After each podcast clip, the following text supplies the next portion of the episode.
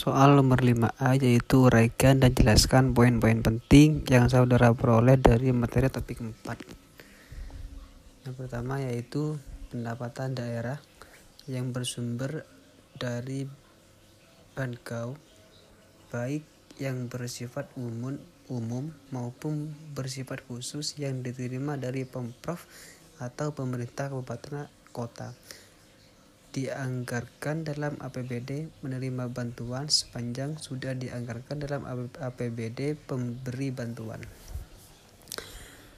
Dalam hal penetapan APBD, penerima bantuan mendahului penetapan APBD pemberi bantuan, maka penganggaran pada APBD penerima bantuan dilakukan dengan terlebih dahulu melakukan perubahan Perkada tentang penjabaran APBD penerima bantuan dengan pemberitahuan kepada pimpinan DPRD untuk bantuan yang bersifat khusus dan persetujuan DPRD untuk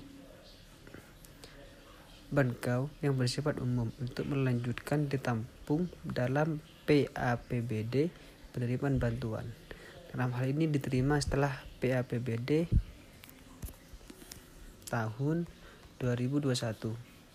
Maka ditampung dalam LRA Pemprov atau pemerintah kabupaten kabupaten atau kota penerima bantuan seperti itu.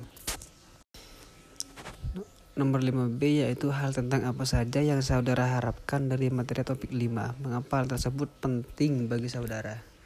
Yang pertama itu menimbang bahwa melaksanakan ketentuan pasal 308 Undang-Undang Nomor 23 Tahun 2014 tentang pemerintah daerah dan pasal 89 ayat 2 Peraturan Pemerintah Nomor 12, 12 Tahun 2019.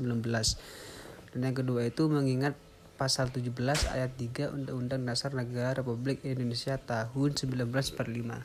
Yang ketiga itu menetapkan dan memutuskan peraturan Menteri Dalam Negeri tentang pedoman penyusunan anggaran pendapatan dan belanja daerah tahun anggaran 2021.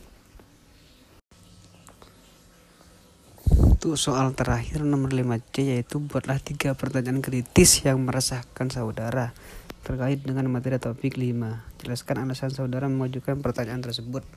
Yang pertama itu mengapa rasio anak usia dini dengan jumlah anak usia dini sebesar 1,3 dan yang kedua itu mengapa rasio jumlah kelas dibanding anak didik sebesar 1,50